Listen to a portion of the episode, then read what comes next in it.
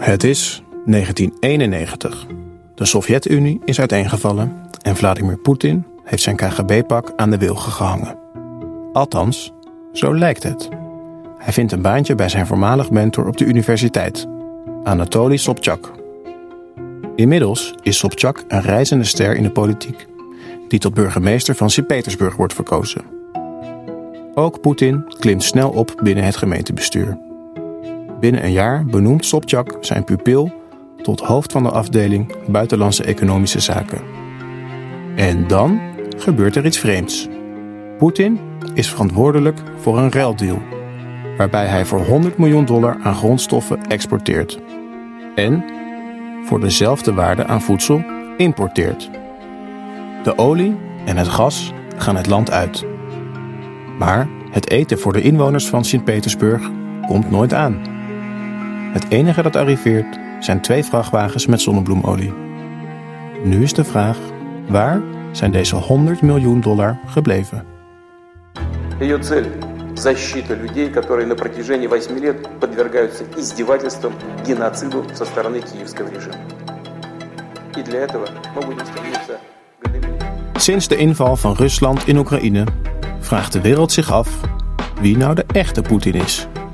Heeft hij last van grootheidswaan gekregen?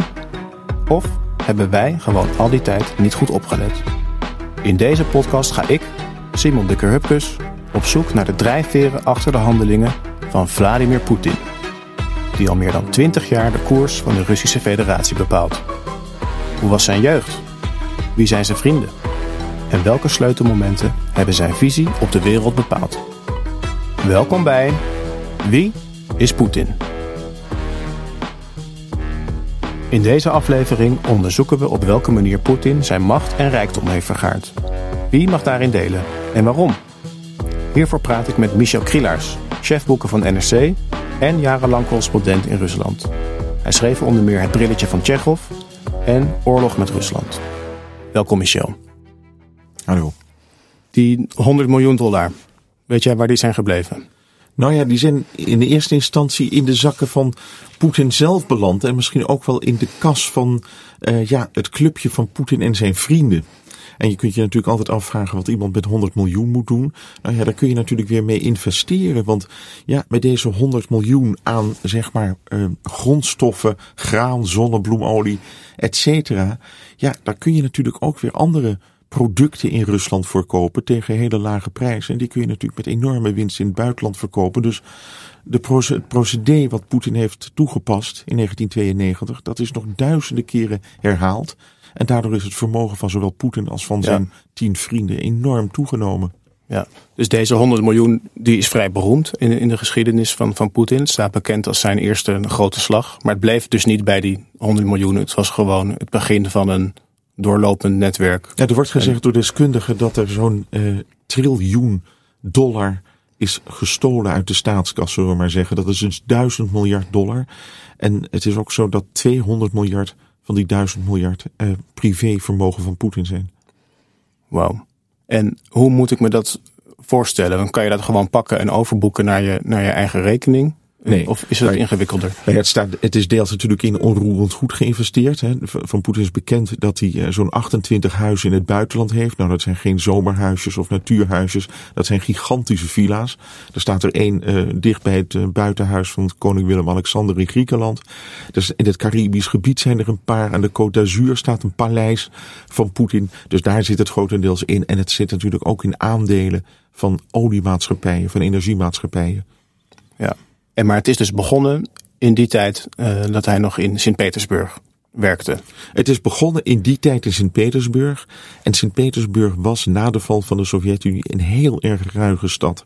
Als je daar kwam, kon je er s'avonds eigenlijk niet veilig over straat. Er waren allemaal elkaar bestrijdende maffiabendes. die vaak samenwerkten met uh, politiekorpsen in bepaalde districten. Het was één groot uh, Wild West-festijn. En een belangrijke rol daarin werd gespeeld door de lokale overheid. En daar was Poetin een spil in. Ja, dus hij we weten vrij zeker dat hij dus ook daar met de lokale maffia zich ook heeft moeten hebben ingelaten. Ja, kijk, eh, eh, Poetin heeft er ook altijd naar gestreefd om een zekere orde in de chaos te creëren. En dat heeft hij in Sint-Petersburg gedaan door die maffiabendes onder controle te krijgen. Dus hij gaf ze in bepaald opzicht de vrije hand om te doen wat ze wilden. Maar ze moesten wel zorgen dat ze elkaar niet meer overhoop schoten en dat ze naar hem luisterden. En hij heeft natuurlijk ook die maffiacontacten gebruikt om zijn eigen zaken te kunnen doen. En dan vind ik interessant, dit speelde in 1991, dus dat is twee jaar na de, na de val van de muur. Uh, hij was toen formeel gezien weg bij de, bij de KGB. Ehm, maar als ik het goed begrijp, heeft hij al die deals ook deals gesloten met nog zijn oude netwerk van KGB-maatjes. Ja, er wordt altijd gezegd, eens bij de KGB, altijd bij de KGB. Van Poetin is natuurlijk het romantische verhaal dat hij, hij was majoor uh, van de eh, KGB in Dresden, daar gestationeerd, lage rang. En dat hij uh, na de val van de muur terug moest naar, naar Rusland. En dat hij daar een lullig baantje als taxichauffeur heeft gehad. Ja. ja, dat is natuurlijk de mythe die is geschapen. De eenvoudige man die ineens werd geroepen om in de politiek te gaan dienen. Of althans eerst de hoofd van de FSB in Rusland te worden. Daarna de politiek in te gaan en president te worden. Maar wat blijkt, uh, uit boeken van verschillende deskundige Ruslandkenners, is dat hij eigenlijk altijd voor die KGB is blijven werken. Contacten heeft onderhouden met zijn vroegere maten. En dan zijn het de, de uh, KGB, zijn medestudenten uit de KGB-opleiding in Leningrad. En dat waren hele harde jongens. Dat waren niet de softies uit Moskou. Die waren veel ontwikkelder, veel beschaafder. Dit waren echt een soort halve criminelen die in staat waren om hun eigen moeder te vermoorden. Sint-Petersburg stond bekend als een, keiharde tak van een de keiharde KGB. tak. Juist omdat het een, uh, een havenstad is. Waar, en ik vertelde al, daar waar die maffiabendes heel actief waren. Het is natuurlijk de in, in- en export naar het buitenland speelde er een bepaalde rol. Dus je kon heel makkelijk ja, geld naar buiten smokkelen. En dat spel spelen wat Poetin heeft vervolmaakt met zijn vrienden. Tot de dag van vandaag. Tot de dag van vandaag. Nou, heel even een stapje terug voor de luisteraars die niet al die boeken hebben gelezen. Kun je iets uitleggen over wat de KGB deed toen het gewoon nog wel operatief was? Wat was dat voor een organisatie? Ja. Wat, was hun formele opdracht en wat deden ze er stiekem nog bij? Uh, KGB staat voor Komitet Государственной Bezopasnosti voor uh, het comité voor de staatsveiligheid. Dus eigenlijk gewoon de geheime dienst. En de KGB was een, altijd al een soort staat in de staat. Maar die stond in de Sovjet-Unie onder controle van het politbureau. Dus de regering. Ja. Die bepaalde alles wat die KGB moest doen. KGB-spionnen waren actief in het Westen. Brachten mensen om zeep die ze niet meer aanstonden. En voerden de repressie in de Sovjet-Unie. Dus eigenlijk alle grote ja, terreurdaden in het Westen en de repressie in het binnenland werd geleid door de KGB. Die KGB had ook allemaal verschillende afdelingen. Een economische afdeling, een, uh, een, een, buitenlandse afdeling, een binnenlandse afdeling, contraspionage, ja. noem maar op. En het was een baan die uh, mensen wilden, ja, die was heel begerenswaardig. Want het was natuurlijk ook het hoogste wat je kon bereiken in de samenleving. Het stond boven het leger bij de KGB. Dan diende je hè, het vaderland, of het ja. moederland moet je zeggen. En je kon een enorme carrière maken. Nou, dat zie je bij Poetin, een jongen uit een heel eenvoudig milieu. Een, een, nou, nog net niet asociaal, maar straatarm ja. in Leningrad. En hij wilde daarbij, dat was het hoogste haalbare. En hij wordt dus gestationeerd dan in, in Dresden. Uh, ik kan me voorstellen dat hij misschien liever naar Berlijn had gewild. Daar gebeurde het. Ja, maar Dresden was. Er, wordt altijd gezegd dat Dresden een beetje onbelangrijk stadje was in de DDR. Maar het blijkt dat Dresden het centrum was van allerlei illegale activiteiten van die de KGB in West-Europa organiseerde. En met name in West-Duitsland. Aanslagen op Duitse politici en industriëlen. Die allemaal vanuit Dresden werden gecoördineerd. En aangezien Poetin daar zat, wordt aangenomen dat Poetin daarin een ja. heel belangrijke rol heeft gespeeld. Ja, dus daar is eigenlijk een soort debat onder historici. Uh, van was hij nou echt inderdaad een, een onbenullige spion of heeft hij misschien een veel grotere rol gespeeld? Is het nou zo dat die, die mensen dus van, die hij nog kent uit de KGB, Dresden en Leningrad, later Sint-Petersburg, dat zijn nu nog steeds ook zijn vrienden. Ja, hij heeft zelfs een ja. van zijn uh, belangrijkste Stasi-contacten. De Stasi was de, de Oost-Duitse geheime dienst. Ja. Die heeft een hele hoge functie gekregen bij een Russische bank. En dat is nu al een van de machtigste mannen in, in Rusland ook. En ja, hij kende die vrienden uit die tijd. Die hadden een soort belangenvereniging. En die belangenvereniging bestaat tot op de dag van vandaag. En dat zijn inderdaad mensen die bezig zijn om via, dat gebeurde in 1989, om via Duitsland geld uit de kas van de communistische partij naar het buitenland te smokkelen. Omdat ze al aanvoelden dat die Sovjet-Unie ineen zou storten. En dat dat hele communistische systeem zou verdwijnen. En met dat geld hoopten ze het Westen te kunnen destabiliseren. Om te zorgen dat wat er overbleef van die Sovjet-Unie. Dat dat nog op een of andere manier een machtig land zou kunnen blijven. Ja. Dan noemde ik in de opening ook de burgemeester uh, Sobchak. Uh, wat, welke rol heeft hij gespeeld in de ontwikkeling van, van Poetins carrière? Ja, het, het, is altijd nog een beetje onduidelijk. Ik heb uh, Sobchak uh, van nabij meegemaakt in de jaren negentig. En dat was een heel erg populaire, een echte democraat riep iedereen. Het was een hoogleraar in de rechten die ook na die val van de Sovjet-Unie zijn kat zag. Die dacht, ik ga me als democraat opstellen en ik ga mee in de nieuwe tijd. Want het zag er natuurlijk uit onder president Yeltsin dat Rusland een democratie zou worden. Ja. Een westers voorbeeld, et cetera, et cetera. Maar het wordt steeds duidelijker dat die Sobchak zich ook schromeloos schomeloos verrijkt heeft in die dagen. En zijn dochter is een van de society girls van het huidige Rusland. Zijn vrouw leidt een miljonairsleven. Ik geloof dat hij op een gegeven moment in Parijs woonde. In een gigantisch appartement. Dus hij heeft zelf ook geprofiteerd van die diefstal zullen we maar zeggen. Ja, dus Poetin uh, learned from the best. Ja, hij, hij, leerde van de beste, maar Sobchak had iets. Poetin is een hele gesloten man, een geheimzinnige man. En die Sobchak was een hele erge, ja, een outgoing man. Gewoon een hele uh, charismatische, leuke kerel met wie je uh, kon lachen. En van wie je echt zou geloven dat hij, ja, de democratische burgemeester van Petersburg was. Ook iemand met ambities in het presidentschap. Ja. Iemand die hoopte misschien Jeltsin te kunnen opvolgen. Ja. En hoe is dat dan afgelopen? Want we weten dat. Hij is Putin... omgekomen in, uh, in, in een vliegtuig. Er wordt gezegd, en dat lijkt zeer aannemelijk, dat Poetin uh, op een gegeven moment zijn straatje aan het schoonvegen was toen hij carrière ging maken in de politiek. En dat hij Sobchak om, om zeep heeft geholpen. En dat is een leermeester. Sobchak was een soort tweede vader voor hem. En Sobchak is in het vliegtuig ineens aan een hartaanval omgekomen. Maar er schijnt een medisch rapport te bestaan waarin staat dat dat hij helemaal geen hartaanval heeft gekregen. Dat hij waarschijnlijk een injectie heeft gekregen in dat vliegtuig. En dus vermoord is. Ijskoud. Ijskoud. En wat zegt dit over Poetin? Dat nou, dat dus, zegt ja. over Poetin dat hij uh, bereid is om zelfs zijn beste vrienden om zeep te helpen. Als het zijn zaak zou kunnen dienen. Als een echte KGB'er. Een echte KGB'er uit Leningrad. Het is 2003 als de politie bij de Russische olietycoon Michail Godorkovsky op de stoep staat. Hij wordt in de boeien geslagen en afgevoerd. De aanklacht? Belastingontduiking, verduistering en fraude. Zijn echte misdaad? Godorkovsky daagt president Vladimir Poetin uit door financiële steun aan liberaal-democratische partijen te geven. In een streng bewaakt schijnproces wordt de rijkste man van Rusland veroordeeld tot negen jaar gevangenisstraf. Godorkovsky wordt afgevoerd naar een strafkamp. De vrienden van Poetin blijven met de buit achter. Ze knippen zijn bedrijf Joekels op en verkopen het door met astronomische winsten. De boodschap is duidelijk. Wie goede zaken wil doen in Rusland, houdt de president te vriend. Ja, Michel, zo ben je de rijkste man van Rusland. En zo zit je in een strafkamp. Ik, ik kan het, als ik het woord strafkamp uitspreek, krijg ik al rillingen over mijn rug. Ja, wij hebben geen strafkampen nee. meer in Nederland. Want we hebben ze geloof ik nooit gehad, behalve Veenhuizen. En in Rusland zijn nog altijd uh, uh, ja, restanten van de Gulag-archipel. En dat heette onder Stalin, dat was dan het, het eilandenrijk van duizenden concentratiekampen. Ja. Voornamelijk in Siberië en het noorden van de Sovjet-Unie gevestigd. Waar, waar vele miljoenen gevangenen hebben gezeten. Dwangarbeiders. Ja. Godorkovsky heeft in zo'n strafkamp gezeten. Hij is er zelfs bijna vermoord op een gegeven moment. Toen hij werd aangevallen door iemand met een mes.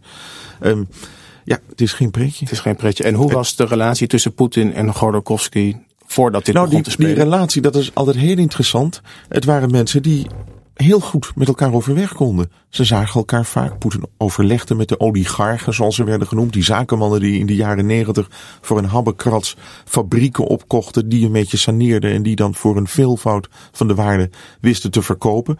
Uh, er was overleg. Jij noemde zelf al het jaar 2003 waarop uh, Godorkovsky wordt gearresteerd. Kort daarvoor was er een bijeenkomst tussen Poetin en de oligarchen die op de televisie werd uitgezonden. En daarin bepleitte Godorkovsky een democratisering van het land. Want hij zei alleen maar door een democratie door te voeren en transparantie in te voeren, waarbij ministers verantwoording moesten, moeten afleggen voor hun daden, kun je de economie diversifiëren. Kun je een normale economie krijgen waarin zakenmensen zich veilig voelen.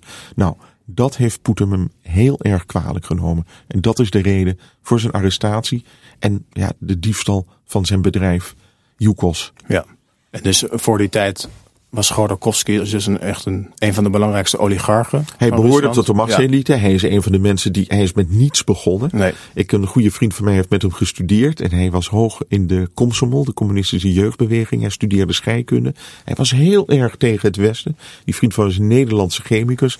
En die werd er aangewezen van, ziet u die man daar, daar moeten jullie niet mee omgaan. Dat is een kapitalist. Dat is een westerling. Dat is iemand die niet deugt. Dus hij was helemaal zelf in die, ja, dat was als de Sovjet-Unie was blijven bestaan, had hij carrière gemaakt in de communistische partij.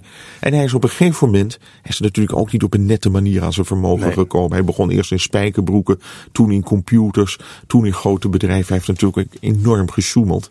Maar ja, dat deden ze allemaal ja. in die tijd. Dus geen reden om hem te arresteren en die anderen niet. En zijn verwachting was, zoals het onder Yeltsin is gegaan, zo zal het voor mij de komende jaren ook nou, door kunnen gaan. Hij zag in op een gegeven moment, hij zag in dat je alleen maar op een normale manier zaken kon doen als je die democratie en die transparantie Ja. had. Dus hij werd een soort wijze man die dacht dit moet veranderen, dit systeem. Want we krijgen dat land niet uit het moeras Nee. opgetrokken. Ja. En daar heeft hij dat pleidooi voor gehouden. Niet beseffende dat Poetin al zo bezig was om zijn eigen ja, machtsbasis te creëren. waarin absoluut geen democratie getolereerd kon worden. Ja. Nou, dat bedrijf Yukos wordt dus helemaal leeggeroofd. Eh waar gaat dat geld dan naartoe? Nou ja, het wordt onder meer eh, grotendeels ondergebracht bij Rosneft, het staatse energiebedrijf. eh, dat geleid wordt door meneer Sechin. En meneer Sechin is ook een van de KGB-vrienden van Poetin. En wordt altijd gezegd dat het een van de machtigste mannen van Rusland is naast Poetin. En misschien iemand die nog wel eens een bedreiging voor Poetin zou kunnen vormen. Nee, dat bedrijf wordt opgedeeld en dat komt natuurlijk in handen van vrienden van Poetin. Ja. En opvallenderwijs zijn het weer allemaal mensen uit die Leningradse KGB-tijd. Dan is, is dit ook niet de laatste oligarch die datzelfde lot treft. Als ik het goed begrijp, is dit eigenlijk het begin van een, een- een grote. Nou, die oligarchen, die oligarchen dachten tot die tijd dat zij de machtigste mannen van Rusland waren. Zij hebben in de jaren negentig de tweede Amstermijn van Boris Yeltsin mogelijk gemaakt. Het zag er naar uit, het was zo'n chaos in Rusland, dat die partijen van Yeltsin, die moderne partijen, niet meer terug aan de macht zouden komen, dat de communistische partij de verkiezingen zou winnen. Yeltsin heeft toen de macht gegeven in ruil voor geld aan die oligarchen. En die dachten, wij kunnen Ja. een zaak goed runnen, wij kunnen Rusland ook goed runnen. En na die arrestatie van Godorkovsky was dat afgelopen. En beseften die oligarchen dat al hun bezit ze ieder moment kon worden afgenomen. En af en toe kregen ze een dienstbevel. Daar zei Poetin in Siberië moet een nieuw ne- wegennetwerk worden Ja. aangelegd. Dat kost 400 miljoen dollar. Jij gaat dat betalen, Ja, oligarchen aan. Aan de slag, ja. Oké, dus voor die tijd zagen zij zichzelf eigenlijk als de echte machthebbers met een president die ze konden controleren. En inmiddels begint het besef te dagen dat het eh, nu een andere man is die aan de macht is. Ja, en zij zijn in feite marionetten van het Kremlin geworden. Ja. En de echte oligarchen zijn in feite die KGB-vrienden uit Leningrad. Ja. Dus echt een omkering van de, van de machtsverhoudingen. Dan wil ik nog heel even ingaan op de, eh, ja, wat dit teweeg brengt onder ten eerste de Russische bevolking en ten tweede ja, onder de, eh, de machthebbers in het Westen. Hoe, hoe zien die Rusland veranderen? Laten we eerst even ingaan op de, de bevolking. Ja, als dit bij ons zou gebeuren, wij zouden het niet pikken. Ja, maar ik heb tijdens mijn correspondentschap, en eigenlijk, ik kom al 40 jaar in Rusland. Ik heb altijd gezien dat er een, een volstrekte apathie is van de bevolking ten opzichte van de leiders. Als ik tussen 2007 en, en eind 2012, toen ik daar correspondent was, aan iemand vroeg van wat vind je van Poetin, zegt nou ja, hij steelt de, eh, de staatskas leeg. Maar ja, als we een ander krijgen, dan begint die. Kijk, Poetin heeft nu al dat geld al. En die ander moet van nul af aan Ja. beginnen. Die begint ook weer te roven. Dus laat hem maar zitten. En dat is natuurlijk, dat heeft heel lang geduurd. Dat besef. Dus die bevolking zegt. We kunnen er toch niks aan veranderen. Ja, dit is ons lot. En dat Ja. is natuurlijk die klassieke passiviteit van de Russen. Er is een hele kleine groep, 10, 15 procent modern denkende mensen. De middenklasse, wat het ook mogen heten. Nou, dat zijn misschien 20 miljoen mensen. En dat zijn de mensen die Ja. naar het buitenland reizen, die een goede baan hebben, goed inkomen. En die willen dit natuurlijk helemaal niet. Die willen in een normaal land leven. Maar ja, ze hebben de macht niet. Nee.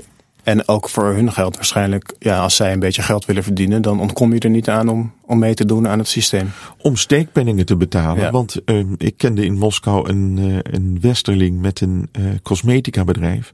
En die zei, zodra ik een miljoen dollar omzet begon te draaien, stond eh, de lokale politiecommissaris van mijn district op de stoep. En die wilde 100.000 dollar steekpenningen hebben. En die heb ik maar betaald. Want anders kon ik het helemaal Nee. vergeten. Hoe werd er gereageerd in het Westen? Zij zagen toch dat ja, de bedrijven gewoon leeg werden geroofd. En dat het vervolgens werd gesanctioneerd eigenlijk door overheid en eh, door de eh, rechters daar. Eh, was dit een moment dat zij zich toch wel achter de oren begonnen te krabben? Of duurt dat eigenlijk nog heel lang? Het, het heeft heel lang geduurd voordat het besef is doorgedrongen tot het Westen. Eigenlijk weten we dat pas sinds, eh, ja, laat zeggen 2010, 2011. Die beroemde deal van die 100 miljoen uit 1992 van Poetin in Petersburg is pas bekend geworden in 2010. Ja. Toen een van de gemeenteraadsleden haar rapporten op haar sterfbed publiceerde. Die onderzoek heeft gedaan naar deze kwestie. En die gewoon met het bewijs kwam van wat er precies was gebeurd. En toen begon men in te zien, en natuurlijk ook met het Godorkovsky-proces, dat je zo je bezit kon kwijtraken. En gingen de ogen open. Want Poetin heeft natuurlijk die eerste drie jaar van zijn bewind orde aangebracht. Ja. Gezorgd dat de pensioenen werden betaald op tijd, de salarissen, et cetera. Ja. En net zoals de Russische bevolking dacht van dit is ons lot, hebben wij misschien ook wel een beetje arrogant gedacht. Ach, zo zijn de Russen. Zo ze, wij hebben gedacht, in Rusland verandert niet zoveel. Nee. Ik kan me nog een ambassadeur, een Nederlandse ambassadeur herinneren, die daarvoor in Indonesië had gezeten. Zei, dat is ook een door en door corrupt land. Kijk eens naar Zuid-Amerika, ook door en door corrupt. Zo is het hier nu eenmaal. Alleen men had niet door dat Poetin iemand was die de democratie, die prille democratie van Yeltsin, en de nek ging omdraaien. En dat begon eigenlijk ook een beetje te dagen na die arrestatie van Godorkovsky. Duidelijk. Het is januari 2021. Oppositieleider en aardsvijand van Poetin, Alexei Navalny, is hersteld van vergiftiging en wil terugkeren naar Rusland. Zodra hij aankomt in Moskou, wordt hij ingerekend. Maar Navalny heeft zijn tegenaanval al klaarstaan. Zijn medewerkers publiceren een twee uur durende video waarin ze het verborgen optrekje van president Poetin tonen. Via droombeelden naderen we een imposante klif, met daarop een megalomaan wit paleis. Een soort Versailles aan de Zwarte Zee. We zien een kerk, een ondergronds ijshockeyveld, een amfitheater, een haven, een helikopterplatform en ondergrondse tunnels die uitmonden op de kust.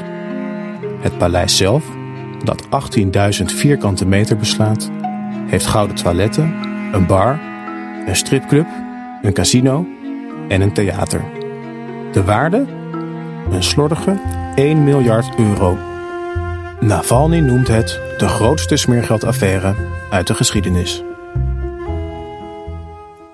Michel, ik neem aan dat jij deze video ook hebt gezien. Ik heb ervan gesmuld, maar ik wist al van het bestaan van dit paleis in 2011. Toen zat ik nog in Moskou.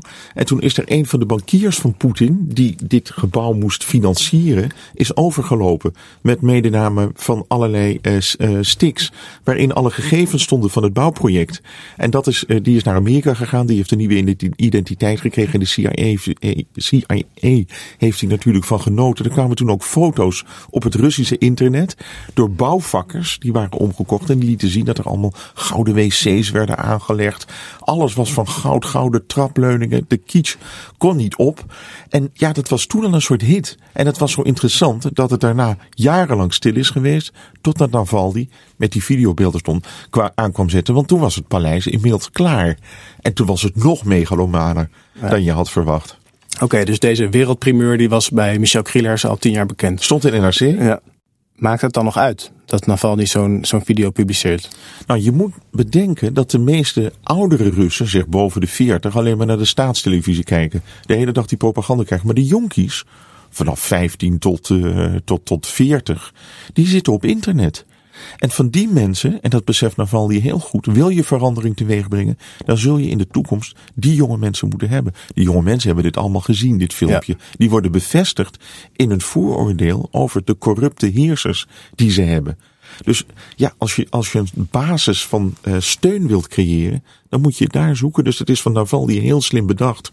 En je zag ook aan het begin van de oorlog het protest in de grote steden. Er is geloof ik in, in, in enkele honderden steden in Rusland is geprotesteerd. Dat waren voornamelijk jonge mensen. Jonge mensen die heel goed weten wat Poetin en zijn trawanten aan het doen zijn. Ja. Uh, we hebben dus gezien dat die oligarchen zijn eigenlijk hun leven niet meer zeker. Maar Poetin en zijn uh, KGB-vrienden die lijken wel haast onaantastbaar. Ja, het is een clubje dat sinds Poetin loco-burgemeester van Petersburg was, regelmatig bij elkaar komt. De zogenaamde Ozero-groep. Ozero is Russisch voor meer. Ergens buiten Petersburg, een mooi gebied. Daar hebben ze een dacha-complex gekocht. Ja, en daar bepalen ze wat ze met hun geld gaan doen, zullen we maar zeggen. En die mensen zijn natuurlijk, net zoals onder Tsar Ivan de Verschrikkelijke in de 16e eeuw, had je de Oprichniks. Dat was een soort, ja, een terreurbrigade die door het land reisde om iedere corrupte bestuurder aan het kruis te nagelen en vervolgens een bezitting in te pikken. Het is ook bijna een soort Russische traditie waarin de edelen de tsaar moeten steunen en ja, in ruil daarvoor, voor die steun, de vrije hand krijgen om in de gebieden waar ze wonen ja, te doen wat ze willen. Te doen wat ze willen. En uh, nou hebben we gezien dat Poetin, die kon Sobchak, heeft hij waarschijnlijk laten vermoorden. Kan hij dat ook doen bij deze KGB-vrienden? Of hebben die iets in handen tegen Poetin? Nee, er, er, is een soort merkwaardige ja, dat, wat zullen we zeggen, zo'n kameraadschap van uh, uh, kerels die elkaar al heel lang kennen. Van Poetin wordt altijd gezegd dat hij zich aan zijn woord houdt. En dat is tot nog toe gebleken. Niet op internationaal gebied, met die oorlog, met al die mhm. beloften die niet waard zijn. Maar in zijn vriendenclub, als hij zegt, jij mag dit doen, dan mag je ook dat doen. Ik doe jou niet, ik doe je niets. En die mensen hebben zelf allemaal hun eigen machtsbasis. Dat wil niet zeggen dat ze allemaal een privélegers hebben, maar ze hebben enorm veel geld. Ze hebben enorm veel invloed. Zij kunnen ook bepalen of Poetin een bepaald plan, infrastructureel plan kan realiseren. Die oorlog wordt natuurlijk ook gefinancierd met honderden miljarden. Dat geld moet ergens vandaan komen. Dat kunnen die mannen ter beschikking stellen. Ja, en zo zien we dus eigenlijk dat de vrienden die hij heeft gemaakt in zijn KGB-tijd en later in zijn Sint-Petersburg-tijd, nu eigenlijk samen met Poetin de facto de, de machthebbers zijn van in het huidige Rusland. Het zijn zo'n tien mannen die oppermachtig zijn en die waarschijnlijk nooit van hun leven weg willen. Want je moet niet vergeten dat al hun kinderen en familieleden ook onderdeel van die club uitmaken. Ja, en stinkend rijk allemaal. En stinkend rijk. Ja. Nou, Poetin schijnt zelf dus een vermogen te hebben van rond de 200 miljard. Ja, maar wat, wat moet hij daar eigenlijk mee doen? Waar heeft hij dat geld voor nodig? Ja, kijk, eh, ik, ik sprak ooit eens een uh, Zuid-Koreaanse ambassadeur. Want ik dacht altijd, Russisch, dat wordt altijd gezegd, een beetje Aziatisch gedrag. En die ambassadeur zei, ja, hij is natuurlijk de belangrijkste. Maar dat is in de eerste instantie, degene met het meeste geld is de natuurlijke leider. Want dat heeft hij maar voor elkaar gekregen om dat geld te verzamelen.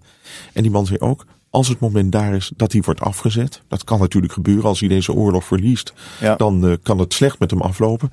Dan kan hij zich vrijkopen. Dan kan hij tegen degene, waarschijnlijk uh, goede vrienden van hem of mensen uit de legerleiding zeggen: Hier heb je 100 miljard, laat me in leven, laat me naar Kazachstan of naar China verhuizen. Ja. Dus dan, dan blijft hij. Poetin moet eigenlijk als een soort crimineel laten zien aan zijn mede-gangsters van ik ben nog steeds de grootste, want ik heb het meeste geld. Ja. ja. Deze aflevering heette Poetin de Rover. Wat, is nou, wat moeten de luisteraars nou hiervan onthouden als we gewoon Poetin op het journaal voorbij zien komen? Nou, dat het een, eh, een grote crimineel uh, te vergelijken met uh, ja, een uitvoerige versie van Holleder of Tangi is. Ja. het, is het is geen politicus die op een eerlijke manier aan de macht gekomen is. Het is een maffialeider. Ja, bijna de politiek staat ook in dienst van zijn rijkdom en niet andersom. Ja. En die hele kliek om hen heen. Het is één grote maffiabende. En dat is het griezelige. Want daardoor zijn ze totaal onvoorspelbaar in wat ze zullen doen. Michel Krielaars, dankjewel. Graag gedaan. Je luisterde naar Wie is Poetin? Wil je meer mooie verhalen van Michel Krielaars? Lees dan zijn boek Het Brilletje van Tsjechov.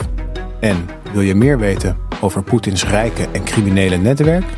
Dan is De Mannen van Poetin van Catherine Belton een aanrader. Deze boeken kun je bestellen bij boekenwereld.com schuine streep Wie is Poetin? In de volgende aflevering spreek ik met expert politieke beeldvorming Julia Wouters over het macho imago van Poetin. Je kent misschien wel de term Tinder-kwartet. Ja. Poetin heeft dat hele kwartet in zijn eentje. Die heeft Ja. al die beelden die ook allemaal weer gereproduceerd worden. Van dat hij inderdaad eh, in ijswater zwemt, met een tijger worstelt, eh, Met de ontblote bast op een paard. paard zit. zitten. Ja. eh, grote vissen hebben- heeft hij ook. De vissen die hij vangt zijn altijd minstens 1,20 meter. Ja. Wie is Poetin? Is een productie van uitgeverij Atlas Contact en VBK Audiolab. Wil je op de hoogte blijven van nieuwe afleveringen? Klik dan op abonneren. En bedankt als je een review geeft of de podcast deelt. Redactie van deze podcast is in handen van Simon Dikker-Hupkes, Rachel van der Pol en Bart-Jeroen Kiers. Concept en productie Ellen van Dalsen. Regie Rachel van der Pol. Techniek en montage Tinium Audioboekproducties.